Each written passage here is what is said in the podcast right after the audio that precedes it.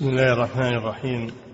الحمد لله رب العالمين والصلاة والسلام على نبينا محمد وعلى آله وأصحابه أجمعين. أما بعد قال المؤلف رحمه الله تعالى وعن أبيض ابن حمال أنه وفد إلى النبي صلى الله عليه وسلم. وعن وعن أبيض ابن حمال. وعن ابن حمال. نعم. أنه وفد إلى أنه وفد إلى النبي صلى الله عليه وسلم فاستقطعه الملح فقطع له. فلما أن ولى قال رجل أتدري ما أقطعت له؟ إنما أقطعته الماء العد. قال فانتزعه منه. قال وسأله عما يحمى من الأراك فقال ما لم تنله خفاف الإبل رواه الترمذي وأبو داود. بسم الله الرحمن الرحيم. الحمد لله رب العالمين. صلى الله وسلم على نبينا محمد على آله وأصحابه أجمعين. هذا فيه أن للإمام أن يقطع أن يقطع بعض أفراد الرعية ما لم يسبق عليه استحقاق لأحد. وذلك من أجل أن تعمر الأرض وتزرع. فالنبي صلى الله عليه وسلم أقطع هذا الرجل مكانا. ثم نبه صلى الله عليه وسلم إلى أن هذا المكان مرفق عام للمسلمين فاسترجع صلى الله عليه وسلم هذا الإقطاع وعوضه بإقطاع آخر. ليس فيه ضرر على المسلمين. نعم. فقال وسأله عما يحمى من الأراك فقال ما لم تنله خفاف الإبل رواه الترمذي وأبو داود وفي رواية له أخفاف الإبل قال محمد ابن الحسن المخزومي يعني أن الإبل تأكل منتهى رؤوسها ويحمى ما فوقه. نعم في هذا أن ما كان من المراعي أن ما كان من المراعي للإبل أو للغنم أو لخيل أو للخيل أنه يقطع للأفراد. إذا لم يكن مرفقا للبلد ولم يسبق عليه أحد فإنه يقطعه ولي الأمر له لأجل أن تعمر الأرض ويستفاد ويستفاد منها ولا تبقى معطلة. نعم. وعن بهيسة قالت استأذن أبي النبي صلى الله عليه وسلم فجعل يدنو منه ويلتزمه ثم قال يا نبي الله ما الشيء الذي لا يحل منعه؟ فقال الماء. قال يا نبي الله ما الشيء الذي لا يحل منعه؟ قال الملح. قال يا نبي الله ما الشيء الذي لا يحل منعه؟ قال أن تفعل الخير خير لك. رواه أحمد وأبو داود. نعم في هذا الحديث أن الناس شركاء في الماء. فلا يجوز منع الماء الذي ليس ملكا لأحد أو ليس في ملك أحد. الماء الذي في الفلاة والماء الذي يجري في نهر وينتفع منه من مر عليه هذا النهر. نفعه عام لا يجوز لأحد أن يختص به ويسيطر عليه بل يأخذ حاجته ويترك ما بقي للآخرين لأنه سبق أن الماء شرك أن الناس شركاء في الماء وشركاء في النار وشركاء في الكلى وهو العشب. لا يجوز لأحد أن يسيطر على هذه الأمور في الأراضي الموات بل يجعلها مشتركة بين المسلمين. لكن من سبق فهو يأخذ حاجته فقط. نعم. قال يا نبي الله ما الشيء الذي لا يحل منعه. قال الملح. قال يا نبي الله. يعني معادن الملح. معادن الملح لأن الملح على قسمين. ملح مائي وهو الذي يتكون من الماء من السيل. إذا جاء على أرض سبخة فإنه يتكون منه الملح وهذا الماء يجمد ويكون ملحا. هذا ملح مائي. والنوع الثاني ملح معدني من أجزاء الأرض ويكون في الجبال ويكون هذا معدني.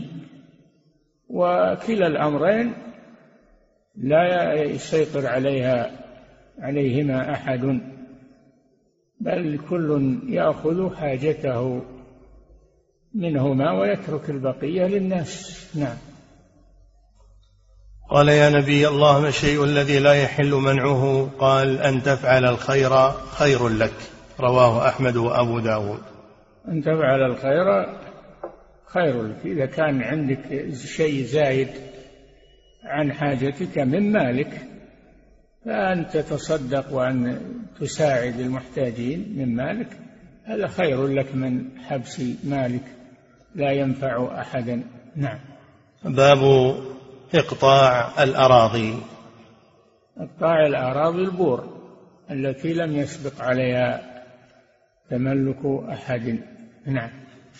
عن أسماء بنت أبي بكر رضي الله عنهما في حديث ذكرته قالت كنت أنقل النوى من أرض الزبير التي أقطعه رسول الله صلى الله عليه وسلم على رأسي وهو مني على ثلثي فرسخ متفق عليه.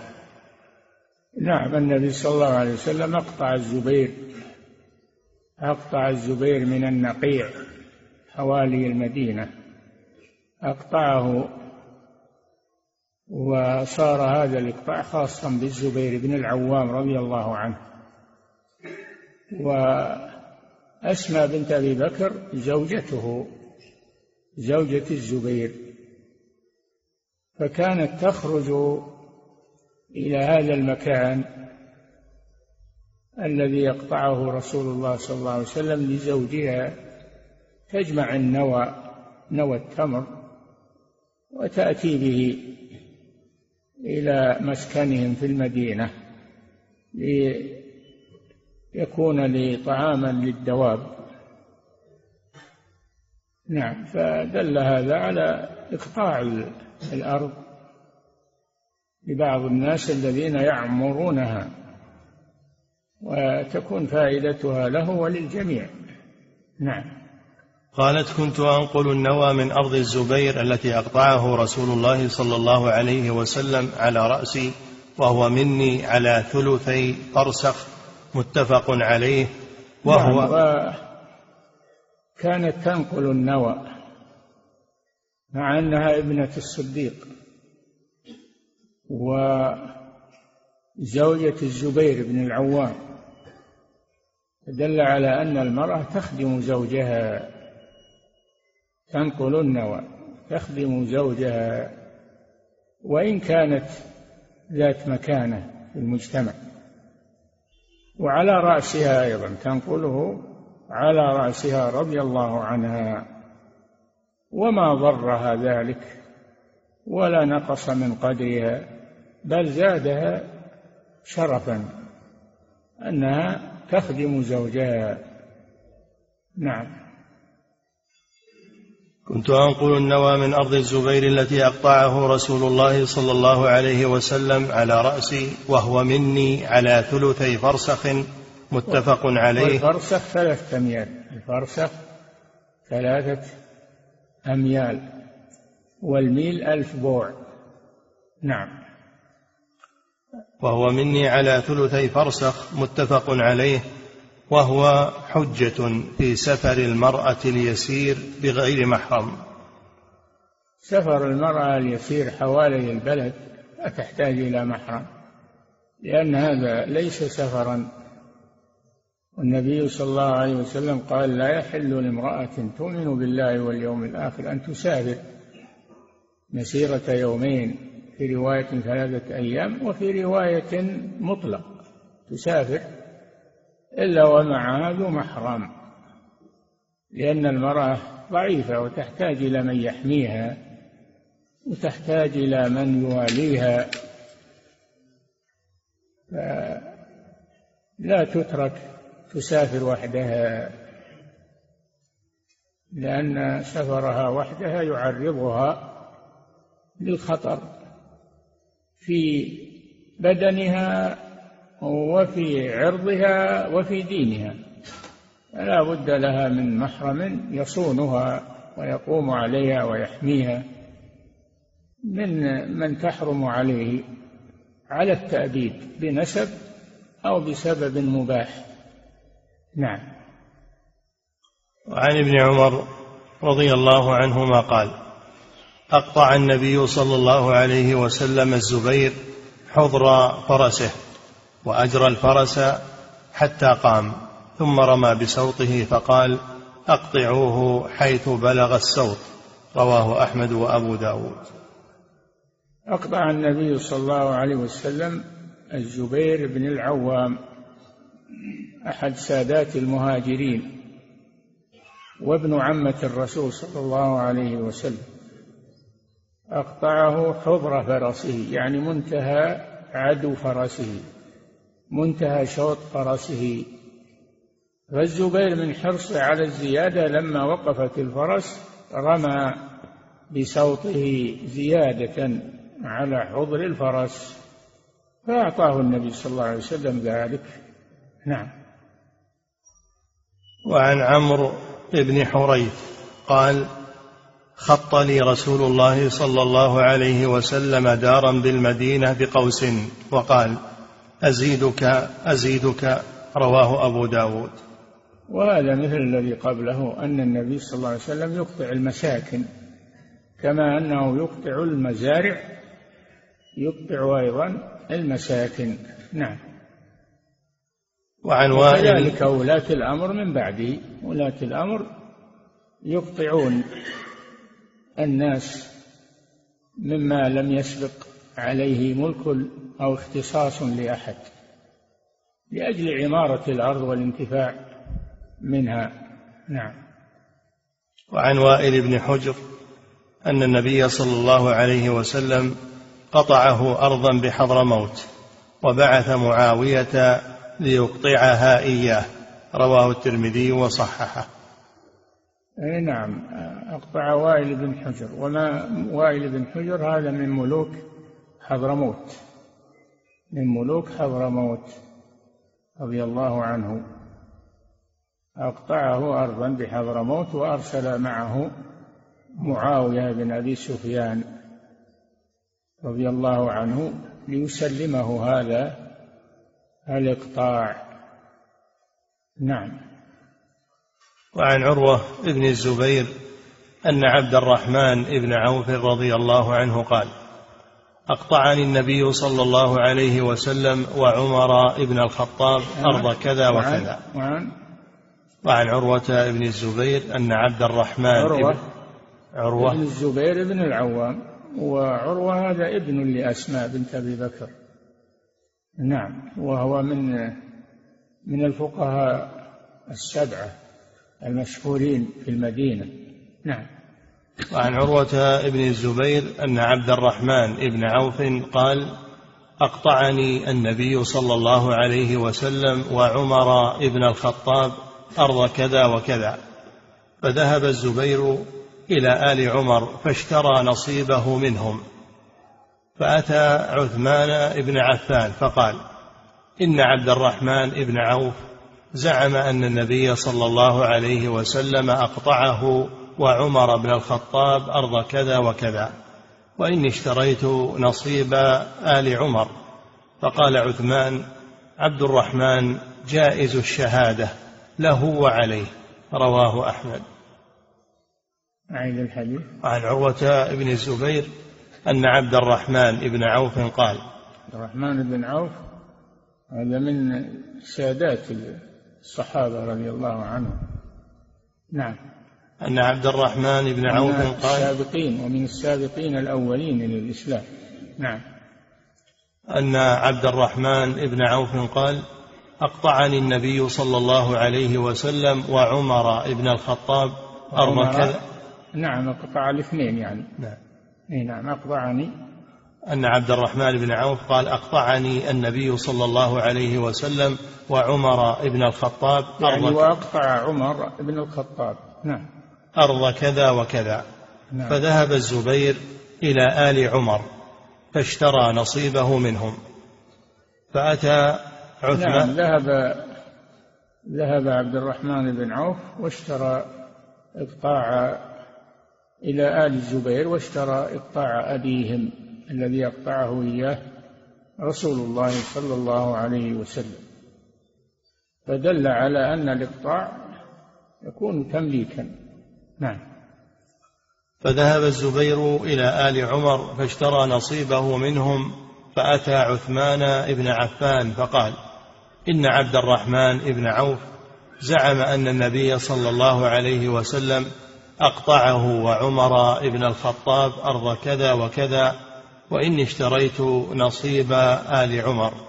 فقال عثمان عبد الرحمن جائز الشهادة له وعليه. رواه أحمد.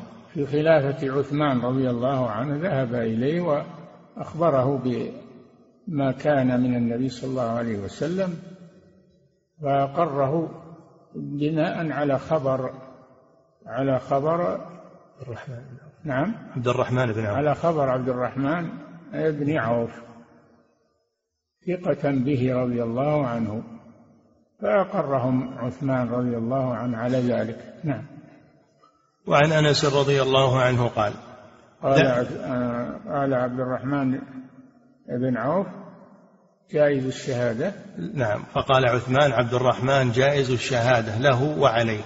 نعم هذا تعديل لعبد الرحمن بن عوف تعديل من عثمان رضي الله عنه لعبد الرحمن بن عوف. نعم. وعن أنس رضي الله عنه قال دعا النبي صلى الله عليه وسلم الأنصار ليقطع لهم البحرين. فقالوا يا رسول الله إن فعلت فاكتب لإخواننا من قريش بمثلها. فلم يكن ذلك عند النبي صلى الله عليه وسلم. فقال إنكم سترون بعدي أثره فاصبروا حتى تلقوني. رواه أحمد والبخاري. وعن أنس رضي الله عنه قال دعا النبي صلى الله عليه وسلم الأنصار ليقطع لهم البحرين. دعا الأنصار رضي الله عنهم ليقطعهم أرض البحرين أي الأحساء أرض الأحساء تسمى البحرين. ليقطعهم أرض البحرين. ف فقالوا يا رسول الله إن فعلت فاكتب لإخواننا من قريش بمثلها. إي نعم. إن فعلت يعني أقطعتنا فأقطع إخواننا مثلها. وهذا من الإيثار. هذا من الإيثار وحب الخير للناس. نعم. فقالوا يا رسول الله إن فعلت فاكتب لإخواننا من قريش بمثلها فلم يكن ذلك عند النبي صلى الله عليه وسلم. فقال إنكم سترون بعدي أثره. إنكم يعني الأنصار. سترون بعدي أثره يعني استئثارا بالمال دونكم. من الولاة الذين يأتون من بعد. فاصبروا على الأثرة ولا تنازعوا ولاة الأمور. حتى تلقوني على الحوض. حوض النبي صلى الله عليه وسلم الذي ترده الأمة يوم القيامة وتشرب منه. ومن شرب منه فإنه لا يظمأ أبدا. ماءه أشد بياضا من اللبن وأحلى من العسل. نعم. فقال إنكم سترون بعدي أثرة فاصبروا حتى تلقوني رواه أحمد والبخاري. نعم. باب هذا فيه الصبر على جور ولاة الأمور والأثر عليهم. فيه الصبر. لما في ذلك من استقامة الأمر وعدم منازعة ولاة الأمور وأن ولاة الأمور ولو حصل منهم شيء من الخطأ فيحتمل في مقابل في مقابل استتباب الأمن ومقابل آه، طاعة ولاة الأمور وعدم منازعتهم. نعم. باب الجلوس في الطرقات المتسعة للبيع وغيره. نعم المرافق العامة الطرقات إذا كانت ليس فيها سعة فلا يجوز لأحد أن يجلس فيها. لا يجوز لأحد أن يجلس فيها.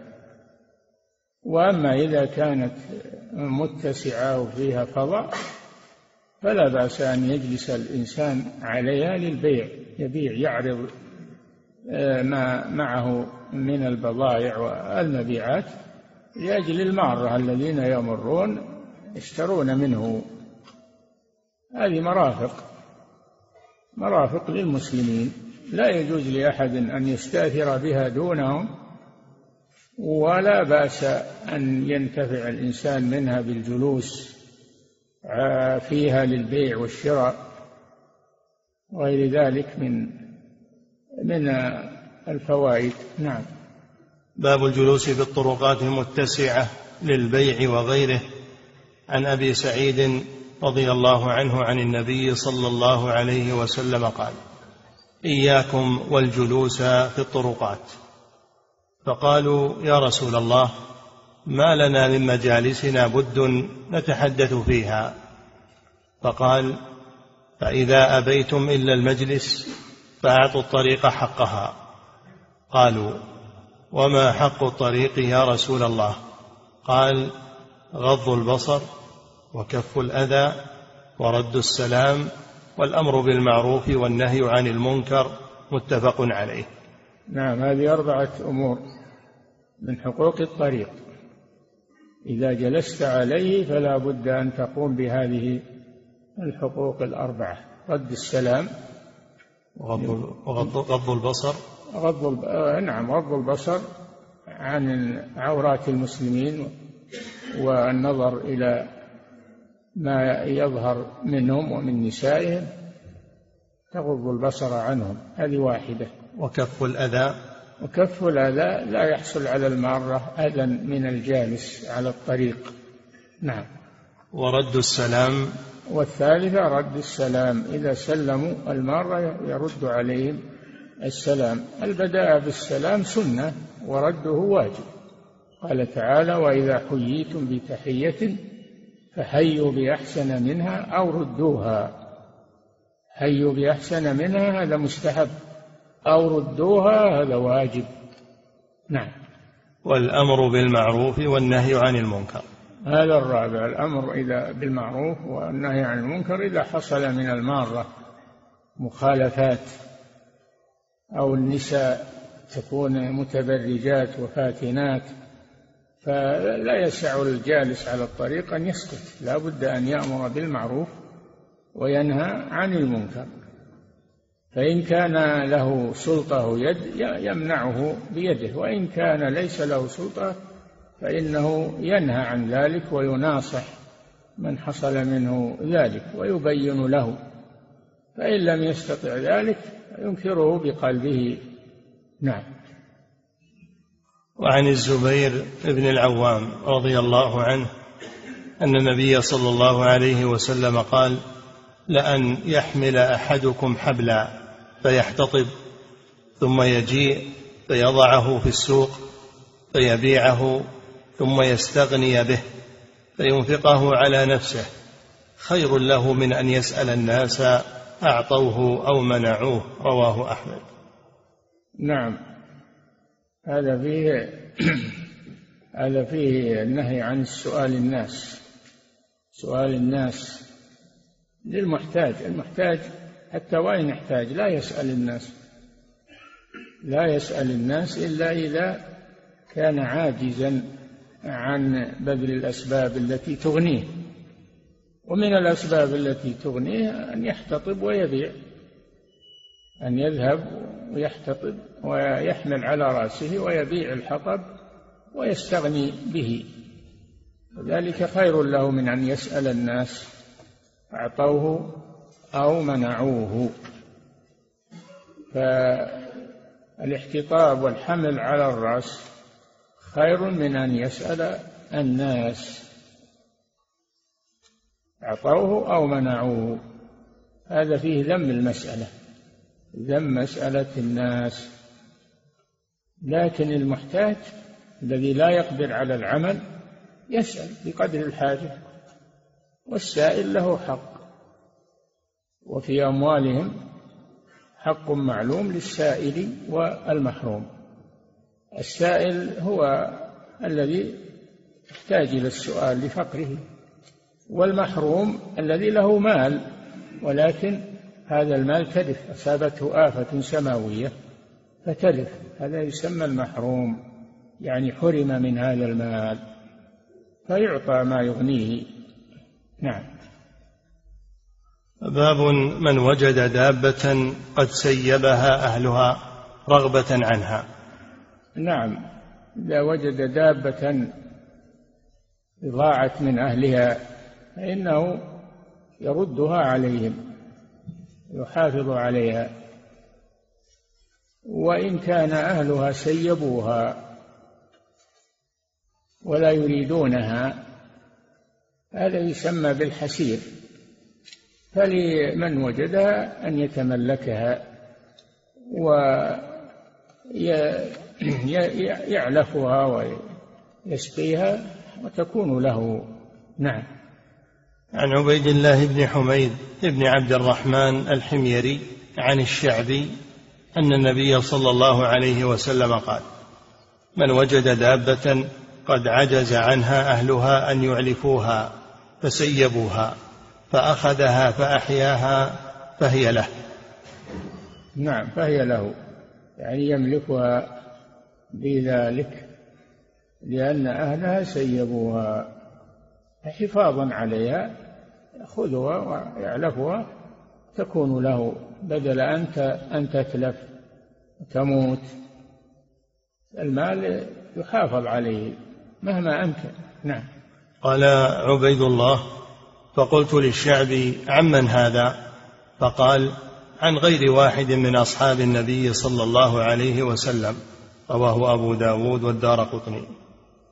والشعبي هذا من فقهاء التابعين. رحمه الله وكان علمه الغزير يرويه رواية ولا وكان لا يكتب. ما يقول ما كتبت سوداء في بيضاء على غزارة علمه وإنما يرويه عن العلماء. وينشره في الناس. الشعبي إمام جليل. نعم. وعن الشعبي يرفع الحديث إلى النبي صلى الله عليه وسلم. قال وهذا من قبيل المرسل الذي يرويه التابعي عن الرسول صلى الله عليه وسلم هذا هو الحديث المرسل. نعم. وعن وعن الشعبي يرفع الحديث إلى النبي صلى الله عليه وسلم قال من ترك دابة بمهلك فأحياها رجل فهي لمن أحياها رواه أبو داود. نعم قال النبي صلى الله عليه وسلم في الشاة الضائعة في البر قال هي لك أو لأخيك أو للذئب هي لك أو لأخيك أو للذئب فلا يتركها تذهب هدرا بل يأخذها ويعلفها وتكون له. نعم. هذا إذا كانت مسيبة أما إذا كانت ضائعة فلا يأخذها يردها إلى أهلها. نعم. كتاب الغصب والضمانات. كتاب الغصب. الغصب وهو الاستيلاء. الغصب هو الاستيلاء على مال الغير قهرا. الاستيلاء على مال الغير قهرا. هذا هو الغصب هو حرام. لا يجوز مال الناس ومال الآخرين أن يستغل قوته وسلطته فيصادره عليهم لا يجوز هذا أبدا. هذا غصب. الغصب حرام. قد قال صلى الله عليه وسلم من اقتطع شبرا من الأرض بغير حق. طوقه يوم القيامة من سبع أراضين. يكون طوقا في رقبته من سبع أراضين. هو الأمر سهل. فعلى المسلم أن يتجنب أموال الناس وأملاك الناس يتجنبها ولا يأخذها مصادرة لا عن طريق القوة ولا عن طريق الخصومة الباطلة. يزور الحجج والشهود فيأخذها ويقول القاضي أعطاني القاضي لا يحلل لك الحرام. ما دمت تعلم أنه ليس لك وأنه حرام فلا يجوز أن تصادره بالشهود الزور ونحو ذلك. نعم.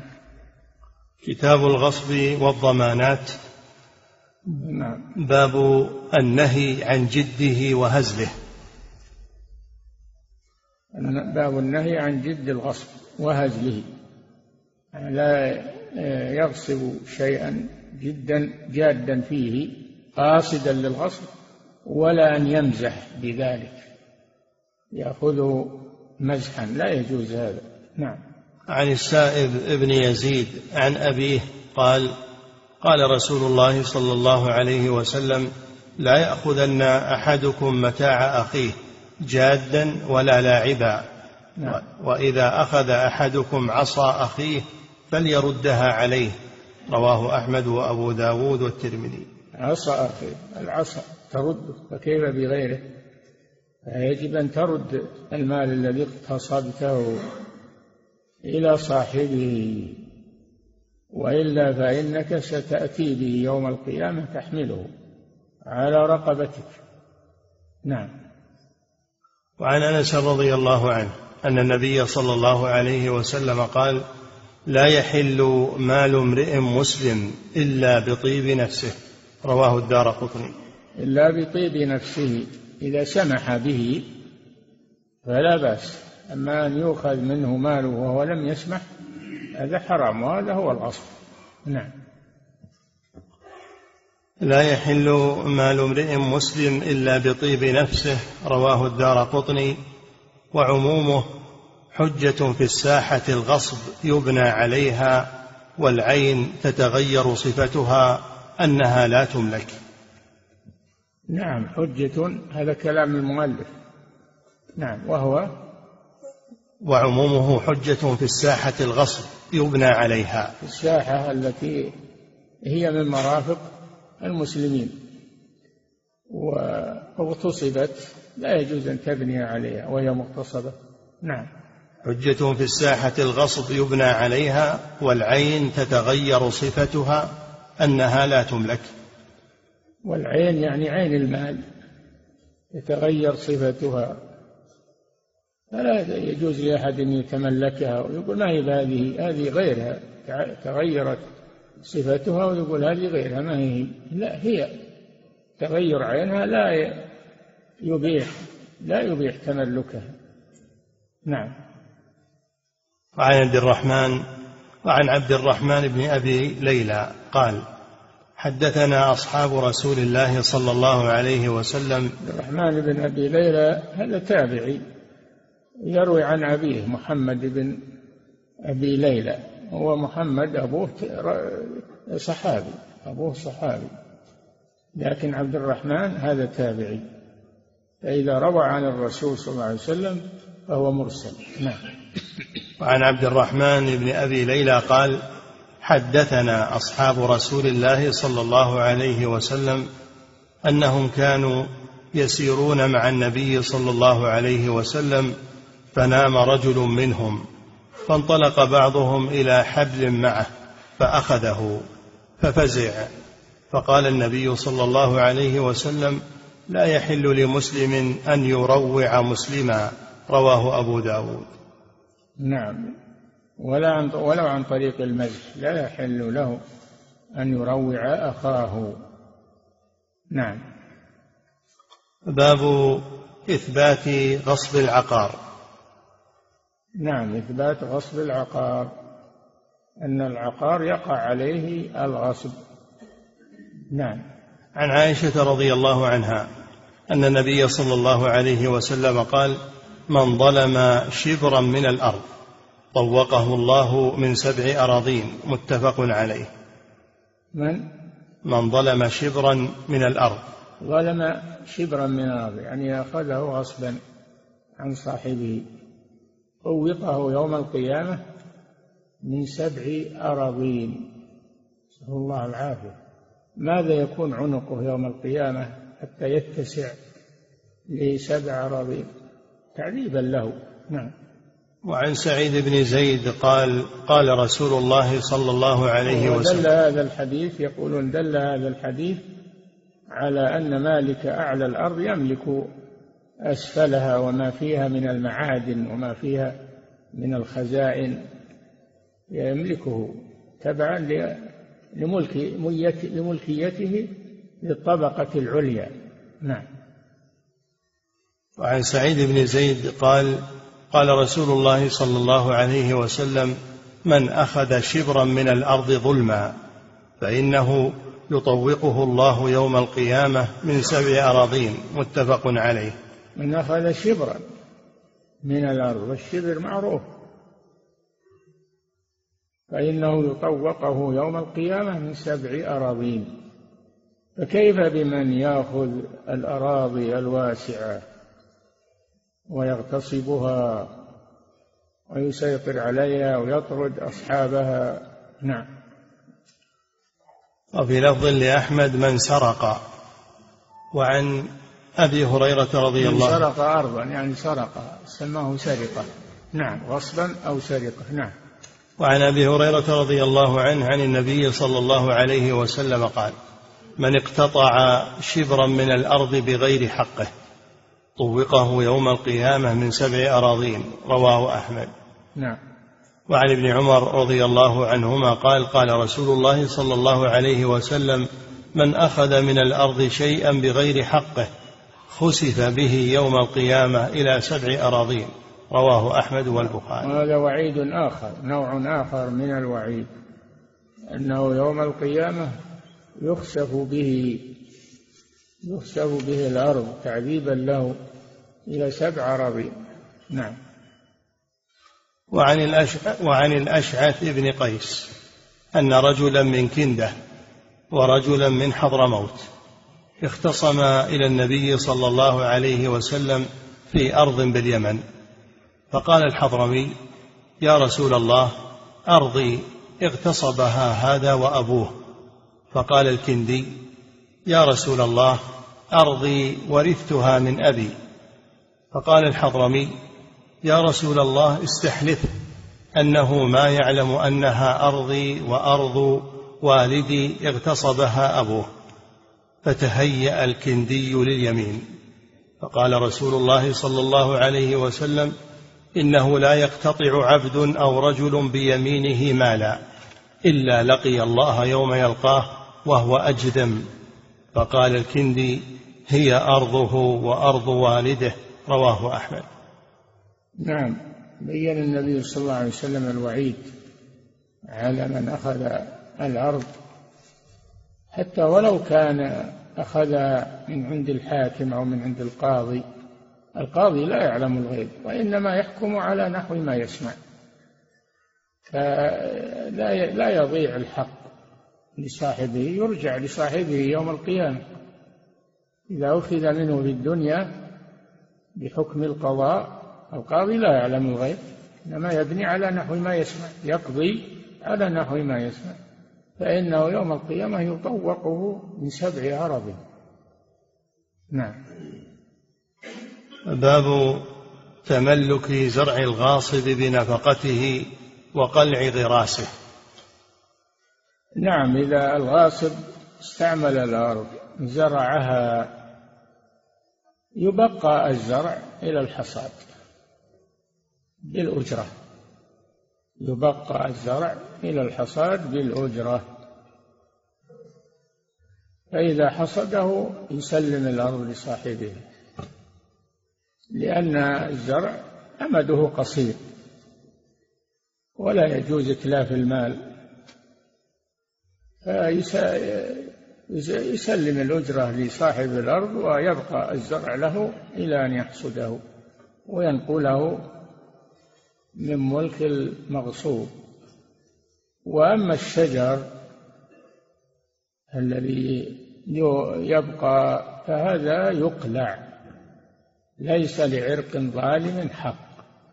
فالنخل إذا غرسها نخلا أو غرسها أشجارا ثابتة فإنه يجب قلعه وإخلاء الأرض منه ويقوم صاحب الأشجار والنخيل التي قلعت بتسوية الأرض حتى تعود كما كانت.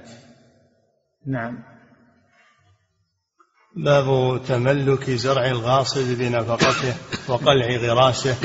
عن رافع بن خديج رضي الله عنه أن النبي صلى الله عليه وسلم قال من زرع في أرض قوم بغير إذنهم فليس له من الزرع شيء وله نفقته. رواه الخمسة إلا النسائي وقال البخاري هو حديث حسن. له نفقته التي أنفقها على الزرع والزرع يكون لصاحب الأرض لأنه نبات أرضه وغذاء تربته. نعم. وعن عروة بن الزبير أن رسول الله صلى الله عليه وسلم قال من أحيا أرضا فهي له. وليس لعرق ظالم حق. قال ولقد أخبرني الذي أرضا أرضا مواتا ليست لأحد أحياها فهي له لأنه سبق إلى ما لم يسبق إليه غيره فالأرض التي أحياها تكون له والإحياء يكون بحفر البئر فيها حتى يصل إلى الماء. أو بإحاطتها بسور بإحاطتها بسور وجدار فهذا من إحيائها. أو بإجراء الماء إليها من نهر آه، أو نعم إجراء الماء إليها من نهر أو من بئر. فيملكها بأحد هذه الثلاثة هذه أنواع الإحياء. إجراء الماء إليها بالبناء عليها بحفر البئر فيها حتى يصل إلى الماء. هذا إحياء الموات. نعم.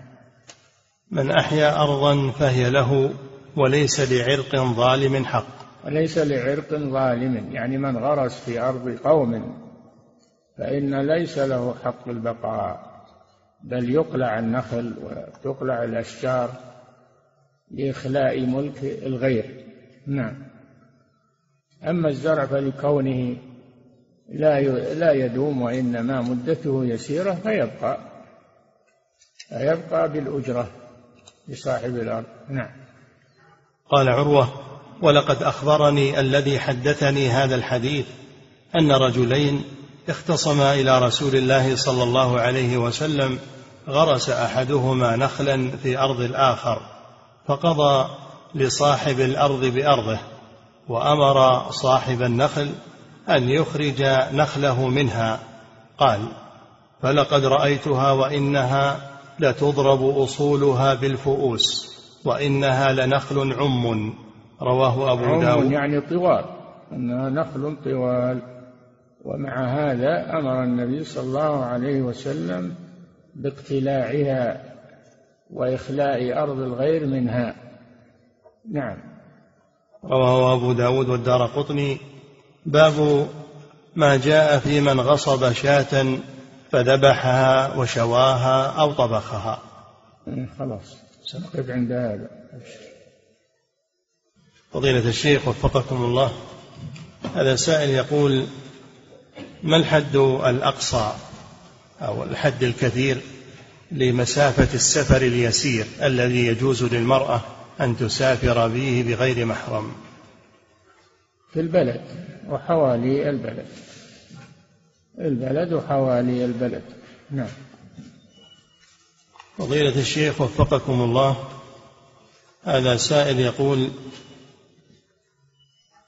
هل يجوز الإقطاع لمن هو ميسور الحال ومن الأغنياء؟ أي نعم الذي يريد أن يعمر هذه الأرض الموات يقطع. ولا تبقى الأرض خالية من الاستفادة يقطع ولو كان غنيا. نعم. فضيلة الشيخ وفقكم الله هذا سائل يقول والدة زوجتي مريضة مرضا شديدا. وهي خارج هذا البلد وليس عندها أحد هناك من أولادها. يقول والدة زوجتي. مريضة مرضا شديدا وهي خارج هذا البلد وليس عندها أحد من أولادها فتريد زوجتي أن تسافر إليها وحدها لأنني لا أستطيع أن أسافر بها. فما الواجب علي وعليها؟ هل يجوز لها أن تسافر بغير محرم؟ لا. ما يجوز لا لا. سافر معها من هو من هي تحرم عليه لنسب أو سبب مباح يسافر بها من أقاربها أو أصهارها نعم. فضيلة الشيخ وفقكم الله هذا سائل يقول السفر اليسير هل يمكن أن يحدد بمدة ساعة مثلا كالسفر بالطائرة وأنه يسير؟ فيجوز سفر المرأة بدون محرم؟ لا ما هي بالعبرة بالزمن العبرة بالمسافة. ما هي بالعبرة بالزمن العبرة بالمسافة. إذا كانت المسافة ثمانين كيلو فأكثر فهذا سفر لا تذهب. المرأة إلا مع ذي محرم. نعم. فضيلة الشيخ وفقكم. ثمانين كيلو ولو قطع في ساعة يقول الفقهاء ولو قطع في ساعة. العبرة بالمسافة لا بالزمن. وإلا لو كانت بالزمن ما بقي في هذا الوقت سفر لأن الطائرات السريعة اختصرت المسافات والزمان. نعم. فضيلة الشيخ وفقكم الله. لكن حتى لو لو كانت في طائرة والزمن قصير لو مرضت من يتولاها؟ لو الطائرة انصرفت عن طريقها لمانع من الموانع وإلى إلى مطار آخر من يستقبلها؟ لا بد معها من محر نعم. فضيلة الشيخ وفقكم الله. هذا سائل يقول هل يحق لمن هو في بلد وليس من أهلها الأصليين أن ينتفع بالأرض الموات فيها؟ إذا أذن له ولي الأمر. إذا أذن له ولي الأمر لا بأس. نعم. فضيلة الشيخ وفقكم الله هذا سائل يقول ما طريقة السلام إذا دخل الرجل إلى بيته ولم يكن فيه أحد؟ هل ثبت أنه يقول السلام علينا وعلى عباد الله الصالحين. نعم يقول هذا أو يقول السلام عليكم ورحمة الله وبركاته. فإذا دخلتم بيوتا فسلموا على أنفسكم تحية من عند الله مباركة طيبة. نعم. فضيلة الشيخ وفقكم الله هذا سائل يقول هل يجوز صيد الحمام؟ الذي لا يعلم له صاحب؟ لا ما يجوز صيده.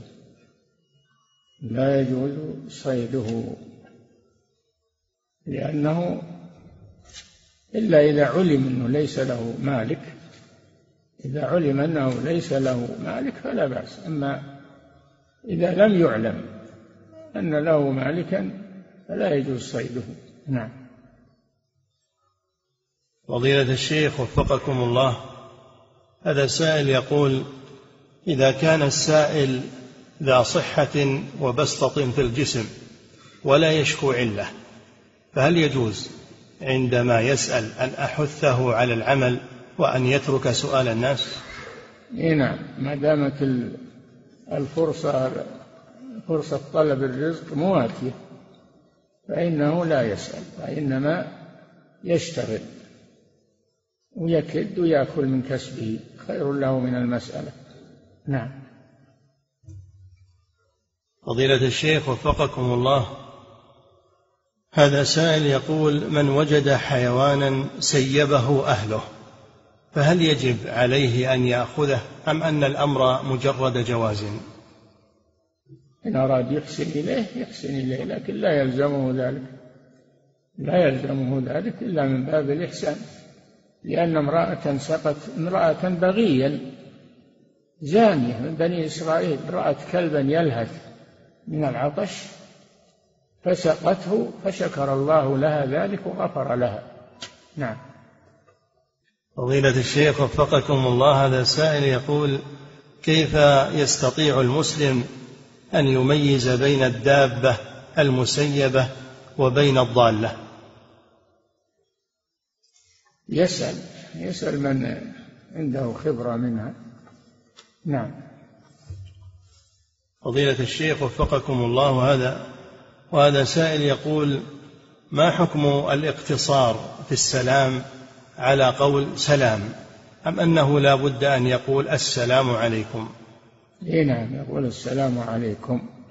هذه عشر حسنات.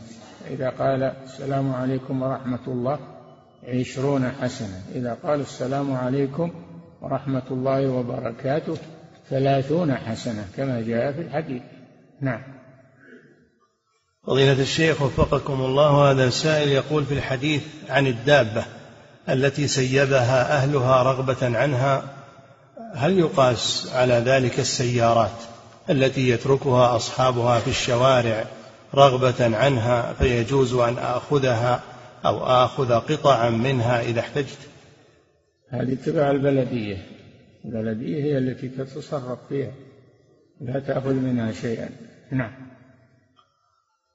فضيلة الشيخ وفقكم الله هذا سائل يقول هل من ظلم شبرا من الأرض ثم أخذ منه بالقوة واسترد هل الوعيد باق في حقه؟ على حسب نيته. إذا كان تراجع وتاب إلى الله يتوب الله عليه. أما إذا كان ما تاب من هذا فتبقى نيته السيئة. نعم. فضيلة الشيخ وفقكم الله هذا سائل يقول طلب مني أحد الأشخاص أن أقرضه مبلغا من المال لأن راتبه لا يكفيه لشراء حتى الطعام في آخر الشهر. يقول هل يجوز أن أعطيه من زكاة مالي ولا يرجع لي هذا المال؟ نعم يجوز. إذا كان محتاجا إذا كان محتاجا فتعطيه الزكاة للمحتاج. نعم. فضيلة الشيخ وفقكم الله هذا سائل يقول ما الحكم في أن آخذ شيئا من شخص دون أن يعلم مع علمي بأنه لا يكره هذا؟ لا لا تأخذ شيئا إلا بإذنه. لا تأخذ شيئا إلا بإذنه. نعم. فضيلة الشيخ وفقكم الله. هذا سائل يقول أحد الأصدقاء وقع عليه دين كبير فقام أحدنا بحث بقية أصدقائه على مساعدته فكان يرسل رسائل لهم فكانوا يساعدونه وبعضهم في حرج. هل يأثم صاحبنا الذي جمع المال من هؤلاء وهو يعلم أن بعضهم يتصدق ليس بطيب نفس منه؟ ما عليه المال إلا الظاهر. ماله إلا الظاهر. فيأخذ المال المتصدق به وليس له إلا الظاهر. نعم. فضيلة الشيخ وفقكم الله هذا سائل يقول بالنسبة لمن يسأل الناس في المساجد هل ينكر عليه إذا رفع صوته بعد الصلاة؟ إذا شغل الناس عن الذكر بعد الصلاة ينكر عليه. أما إذا سكت إلى أن فرغوا من الذكر ثم سأل فلا بأس بذلك. نعم. فضيلة الشيخ وفقكم الله هذا سائل يقول هل يجوز للإنسان أن يشمت نفسه؟ إذا كان ليس معه أحد. يقول الحمد لله ويكفي. نعم. فضيلة الشيخ وفقكم الله هذا سائل يقول المرأة الحائض هل يباح لها أن تقرأ القرآن من المصحف لكن بحائل كالقفاز؟ الحائل والجنب لا يقرأ أحد منهم القرآن لا من المصحف ولا عن ظهر قلب. حتى يذهب الحدث ويغتسل ثم يقرأ القرآن. نعم. فضيلة الشيخ وفقكم الله.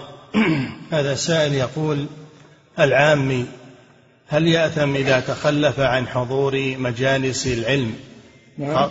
العامي هل يأثم إذا تخلف عن حضور مجالس أهل العلم خاصة إذا كانت الدروس في مسائل العقيدة والتوحيد؟ لا يأثم لكنه يخسر هذا الدرس وهذه الفائدة. وهو بحاجة إليها. حرم نفسه حرم نفسه من العلم. نعم. فضيلة الشيخ وفقكم الله. هذا سائل يقول أقرضت رجلا مالا ولم يسدد في الموعد المتفق عليه ثم إنني سامحته. ورأيت بعد ذلك أنني متضرر من هذه المسامحة خصوصا وأنني أعيش ظروفا صعبة ونفسي لم تطب من هذه المسامحة. فرجعت عليه مرة ثانية وطالبته بديني. هل هذا الأمر جائز؟ لا ما هو جائز. ما يجوز لك. ما دام سامحته ما يجوز لك ترجع. العائد في هبته كالكلب يقيء ثم يعود في قيئه. لا يجوز هذا. نعم. فضيلة الشيخ وفقكم الله. هذا سائل يقول ما معنى قول الرسول صلى الله عليه وسلم أن من ظلم أرضا لقي الله يوم يلقاه وهو أجذم؟ يقول ما المراد بهذا؟ أجذم يعني ليس له يد. الأجذم هو مقطع الأطراف وهذا وعيد شديد. نعم. فضيلة الشيخ وفقكم الله هذا سائل يقول الأجذام الذي أصيب بالجذام والجذام مرض يتساقط منه الأعضاء. نعم. فضيلة الشيخ وفقكم الله هذا السائل يقول كنت أعمل في محل من المحلات وصاحب المحل منعني من حقي فأخذت مالي من محله دون علمه فهل يكون هذا من الغصب وهل علي شيء في ذلك؟ هذه مسألة الظفر. فإذا كان لك حق على أحد ولم يعطيك حقك وظفرت آه، بحقك في ماله يعني أنت أعرته شيئا وجحده ثم ظفرت بمالك عنده تأخذه. مسألة الظفر. نعم. أو كان لك عليه دين وعجزت أنك تسترجع دينك منه وظفرت له بمال تأخذ قدر مالك.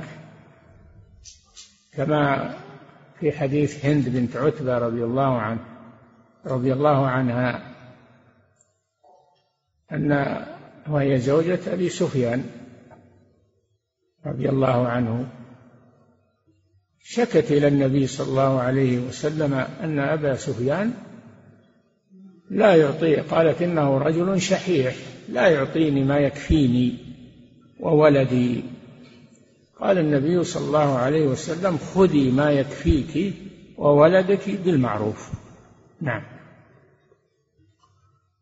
فضيلة الشيخ وفقكم الله هذا سائل يقول إذا طلب صاحب الأرض المغصوبة طلب بقاء الأشجار والنخيل التي غرسها الغاصب فهل للغاصب حق في أن يطلب ثمنها؟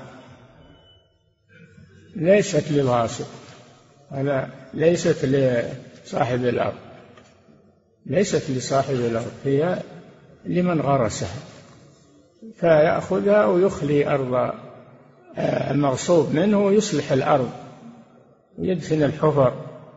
نعم. فضيلة الشيخ وفقكم الله هذا سائل يقول في بلدنا إذا منحت الدولة رجلا أرضا فإنهم يشترطون عليه. أنه إذا ظهر في هذه الأرض معدن فإنها تنتزع منه. فهل هذا الشرط جائز؟ نعم شرطوا عليه المسلمون على شروطهم. نعم. فضيلة الشيخ وفقكم الله هذا سائل يقول هل ورد عن رسول الله صلى الله عليه وسلم أنه قال من زار قبري وجبت له شفاعتي هذا مكذوب على الرسول صلى الله عليه وسلم. كل الأحاديث الواردة في زيارة قبر الرسول صلى الله عليه وسلم كلها مكذوبة. لكن من زار المسجد النبوي وصلى فيه فإنه يزور قبر الرسول صلى الله عليه وسلم وقبر صاحبيه ويسلم عليهم. أما أنه يسافر من أجل زيارة القبر هذا حرام. لا تشد الرحال إلا إلى ثلاثة مساجد المسجد الحرام ومسجد هذا والمسجد الأقصى لأجل الصلاة فيها. وتدخل زيارة قبر الرسول صلى الله عليه وسلم تبعا. لمن زار المسجد النبوي. نعم.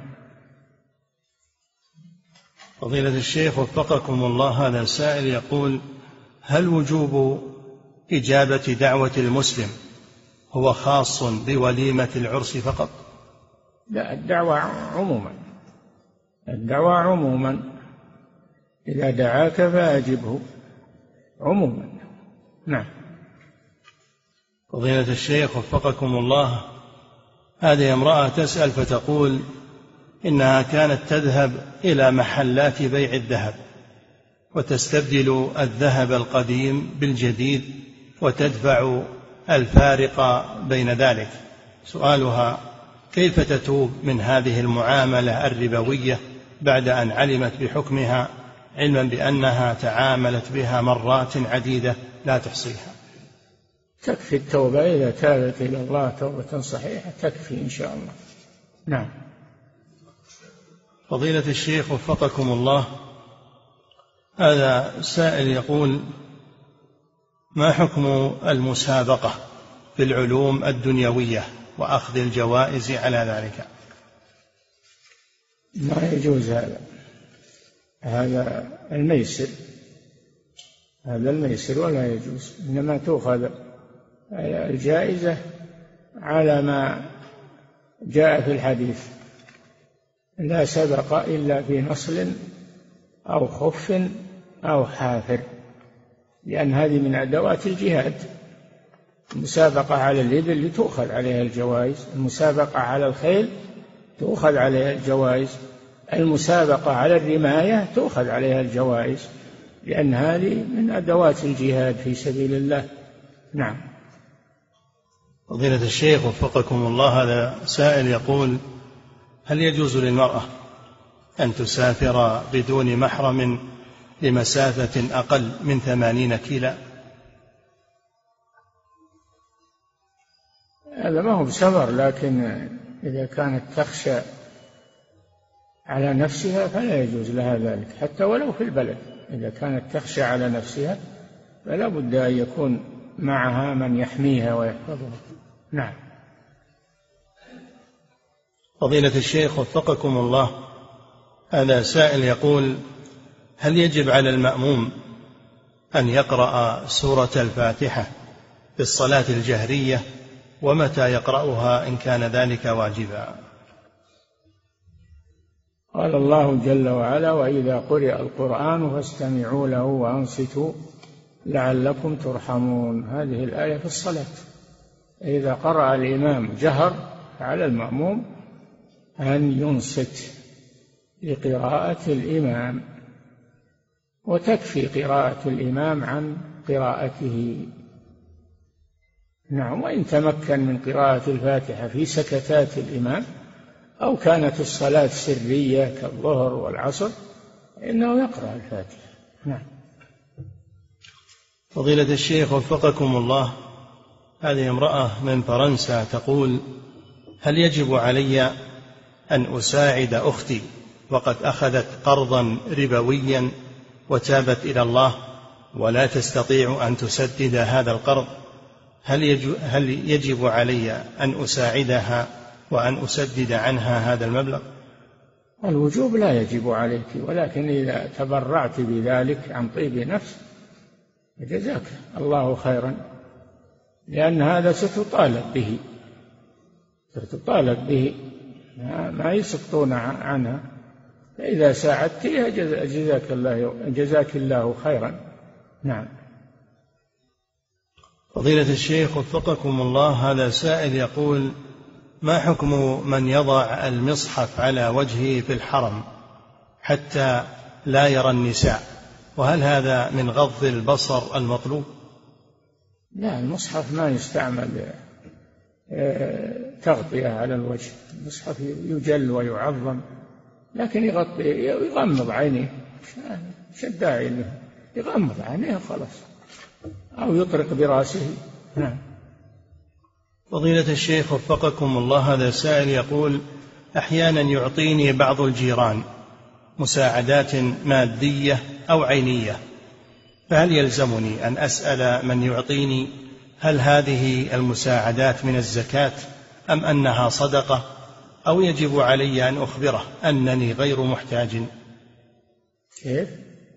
أحيانا يعطيني بعض الجيران مساعدات مادية أو عينية فهل يلزمني سؤال من يعطيني هل هذه من الزكاة أم أنها صدقة وهل يجب علي أن أخبره أنني غير محتاج. إذا كنت محتاجا فخذها ولا تسأل. إن كنت غير محتاج فلا تأخذها. أنا ما أحتاج. وجزاك الله خيرا وأنا ما أحتاج شيء. نعم. فضيلة الشيخ وفقكم الله هذا سائل يقول المرأة المحرمة ممنوعة من النقاب. هل يجوز لها أن تلبس الكمامات حيث إنها ستصبح كالمنتقبة؟ لا. تفعل كما فعلت عائشة رضي الله عنها. تقول كنا مع النبي صلى الله عليه وسلم محرمات فإذا مر بنا الرجال سدلت إحدانا خمارها من على رأسها على وجهها فإذا جاوزونا كشفناه. فتسدل الخمار. الغدفة اللي عليها أو الغطوة اللي عليها تسدله على وجهها نعم. فضيلة الشيخ وفقكم الله هذا سائل من خارج هذه البلاد يقول ما حكم الصلاة في مسجد فيه قبر؟ حيث إنه لا يوجد مسجد بجوارنا إلا هذا المسجد. لا لا تصلون فيه. إذا كان القبر داخل المسجد أو ملتصقا به جدار القبر فلا تصلوا فيه. صلاة الصلاة فيه غير صحيحة لأن النبي صلى الله عليه وسلم نهى عن الصلاة عند القبور لأن هذا من وسائل الشرك. نعم. فضيلة الشيخ وفقكم الله هذا سائل يقول من المعلوم أن المسافر لا تجب عليه صلاة الجمعة. فإذا حضرها مع المقيمين فهل يصح أن يكون إماما في الجمعة يقولون ولم يصح أن يؤم فيها. من حضرها أجزأته ولم يصح أن يؤم فيها لكن هذا فيه نظر. والراجح والله أعلم أن له أن يؤم فيها. نعم. فضيلة الشيخ وفقكم الله هذا سائل يقول ما حكم اقتناء الملابس التي تحتوي على الصليب. لا يجوز حمل الصليب. الصليب شعار النصارى. لا يجوز لك أن تحمل شعار النصارى في لباسك. نعم. فضيلة الشيخ وفقكم الله هذا سائل يقول إذا كان الرجل لا يصلي ثم مات فهل يجوز لي أن أستغفر له وأن أدعو له؟ لا أسكت عنه. الذي لا يصلي يترك الصلاة متعمدا لا تدعو له بعد موته ولا تستغفر له. اتركه. نعم. فضيلة الشيخ وفقكم الله هذا سائل يقول الصبي هل يمنع من الدخول على النساء إذا كان يعرف أحوالهن ويحكي ما يراه منهن للرجال؟ لا ما يجوز يدخل على النساء وهو يصفهن للرجال أو أو أن أو أن الرجال يسألونه عنهن ما يجوز له هذا. نعم. فضيلة الشيخ وفقكم الله هذا سائل يقول هل يجوز العمل في الأماكن التي فيها اختلاط بين الرجال والنساء كالمستشفيات؟ هل أترك العمل أم أنني أجاهد نفسي وأبقى مع هذا الأمر؟ خليك في قسم الرجال. اشتغل في قسم الرجال ولا تذهب إلى القسم الذي فيه اختلاط. نعم. فضيلة الشيخ وفقكم الله هذه امرأة تسأل فتقول إن أبا زوجها إن أباه مريض ولا يستطيع القيام بنفسه هل يجوز لها أن تنظفه وتطلع على عورته للحاجة؟ لا ما يجوز أن تطلع على عورته. لكن إذا احتاج إلى ذلك ولا عنده أحد فإنها تجعل ساترا على على بينها وبين عورته وتدخل يدها أو عليها شراريب على يديها وتنظف. نعم. فضيلة الشيخ وفقكم الله هذا سائل يقول هل هناك فرق بين العقيدة والتوحيد؟ العقيدة قد تكون عقيدة توحيد وقد تكون عقيدة غير توحيد. اسم العقيدة هذا يختلف. نعم. فضيلة الشيخ وفقكم الله وهذا سائل يقول هل يجوز للمسلم أن يقتل جميع الحشرات التي يراها ولو لم تؤذه؟ لا يجوز إلا قتل المؤذي. أما غير المؤذي فلا يقتل. نعم. فضيلة الشيخ وفقكم الله هذا سائل يقول في قول الرسول صلى الله عليه وسلم مروا أولادكم بالصلاة وهم أبناء سبع واضربوهم عليها لعشر. ما حدود ضرب الأب لابنه؟ الحد الشرعي. ضرب غير مبرح. لا لا يكسر عظما ولا ولا يكشط ولا يكشط جلدا وإنما ضرب متوسط يعني وبعصا غير غليظة وغير قاسية بالثوب بشيء يعني يحصل منه إيلام ولكنه لا يكون مبرحا يكسر عظما أو أو أو يفصل جلدا. نعم ويدميه. نعم. فضيلة الشيخ وفقكم الله في قول الرسول صلى الله عليه وسلم إياكم والجلوس في الطرقات. يقول هل هذا نهي يقتضي التحريم؟ نعم إياكم تحذير تحذير من الرسول صلى الله عليه وسلم. أي نعم. فضيلة الشيخ وفقكم الله هذا سائل يقول هل صحيح أن فتح أبواب غرف المنزل التي ليس فيها أحد أن هذا أمر مكروه في الشرع. ليش؟ ما في بأس الشرع نعم.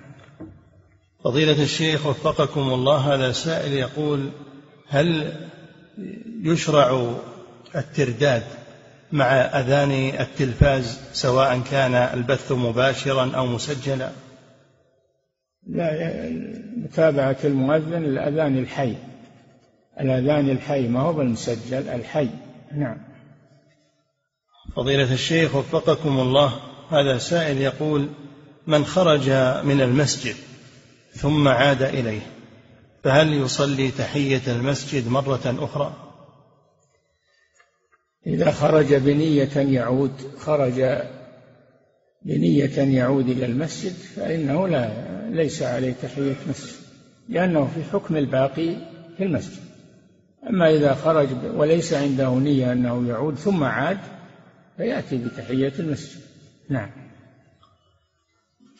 فضيلة الشيخ وفقكم الله هذا سائل يقول ما حكم استعمال اللعاب في قلب الورق ورق المصحف؟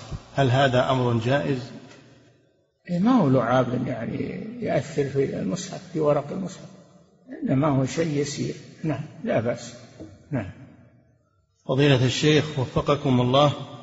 هذا سائل يقول هل يجب على المسلم إذا رأى ورقة أو صحيفة تحتوي على اسم من أسماء الله وهي ساقطة على الأرض هل يجب عليه أن يرفعها ويأخذها؟ إذا رأى فيها آية أو حديثا عن رسول الله صلى الله عليه وسلم فإنه يرفعها. نعم. فضيلة الشيخ وفقكم الله هذا سائل يقول ما حكم الأخذ والإعطاء باليد الشمال؟ هل هو أمر مكروه أو محرم؟ مكروه لأنه من الآداب. من الآداب فيكره مخالفته. نعم. فضيلة الشيخ وفقكم الله هذا سائل يقول الصبي الصغير ما حد عورته؟ وكم سن هذا الصبي؟ هل هو إلى الثامنة؟ حد عورته الفرجان القبول والدبر لا ينظر إليهما. نعم. فضيلة الشيخ وفقكم الله هذا سائل يقول من اغتاب رجلا ثم تحلل منه هل يجب عليه أن يذكره بخير عند من اغتابه عنده إذا تحلل منه وحلله فلا حاجة إلى هذا. نعم. فضيلة الشيخ وفقكم الله وهذا سائل يقول هل يشرع للمسلم أن يعتزل الناس خوفا من الغيبة والنميمة؟ نعم إذا كانوا يغتابون فلا تجلس معهم. إذا رأيت الذين يخوضون في آياتنا فأعرض عنهم حتى يخوضوا في حديث غيره. وإما ينسينك الشيطان فلا تقعد بعد الذكرى مع القوم الظالمين. والغيبة من الظلم فلا تجلس معهم. نعم. فضيلة الشيخ وفقكم الله هذا سائل يقول عند عند أذان